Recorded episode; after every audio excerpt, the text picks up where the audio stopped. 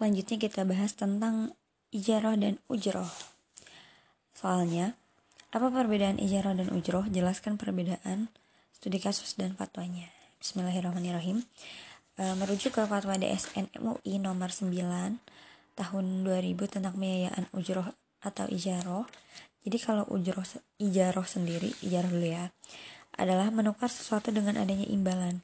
Sering kita sebut dengan sewa menyewa atau upah mengupah. Jika dalam perbankan, ijarah adalah akad antara bank dengan nasabah untuk menyewa suatu barang atau objek sewa bank dan bank mendapat imbalan jasa atas barang yang disewakannya dan diakhiri dengan pembelian objek sewa oleh nasabah. Gitu. Jadi kalau misalkan ijarah itu akadnya akad sewa menyewa. Jadi kalau misalkan nih di perbankan syariah, uh, kita uh, menyewa barang nih ke bank. Jadi si bank ini mendapatkan untung atas uang sewa dan mungkin kita bisa dapat untung dari uh, pengelolaan atas apa yang kita sewakan gitu. Jadi kita mendapatkan uh, keuntungan dari apa yang kita sewa gitu loh. Kalau san kalau misalkan ujroh itu merujuk ke buku tentang industri keuangan syariah seri 8 yang diterbitkan oleh OJK. Ujroh sendiri adalah imbalan yang diberikan atau yang diminta atas suatu pekerjaan yang dilakukan. Akad ujroh diaplikasikan dalam produk-produk jasa keuangan bank syariah seperti penggajian, penyewaan safe deposit box, penggunaan ATM, dan sebagainya.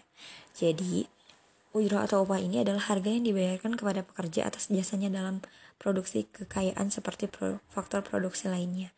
Tenaga kerja diberikan imbalan atas jasanya. Jadi, si ujroh ini tuh upah gitu loh upah atas telah melakukan sesuatu.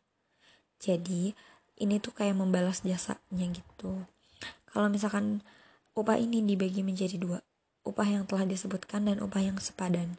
Kalau upah yang disebutkan itu ajaran musamma atau jadi dia tuh kayak udah ditentukan nih dari awal uh, bakal seberapa upahnya gitu loh. Jadi udah di ditetapkanlah dari awal. Sedangkan kalau upah yang sepadan atau ajrun misli adalah upah yang sepadan dengan kerjanya sesuai dengan kondisi pekerjaan jika akad ijarahnya telah menyebut jasa manfaat kerjanya. Jadi intinya ujroh dan ijaroh ini berbeda ya. Kalau ijaroh itu akad sewa menyewa, kalau ujroh itu upah. Jadi e, bentuknya sosial kalau ujroh tuh. Jadi dikasih gitu loh, dikasih uang atas atas apa yang telah dilakukan kalau ijaroh kan beda jadi dua-duanya ini apa ada sewa menyewa gitu. Kalau ujroh tuh upah beda lah ya. Ijaroh itu sewa menyewa ujroh itu upah. Ya jadi mungkin cukup untuk pertanyaan yang ini. Baik lanjut ke yang selanjutnya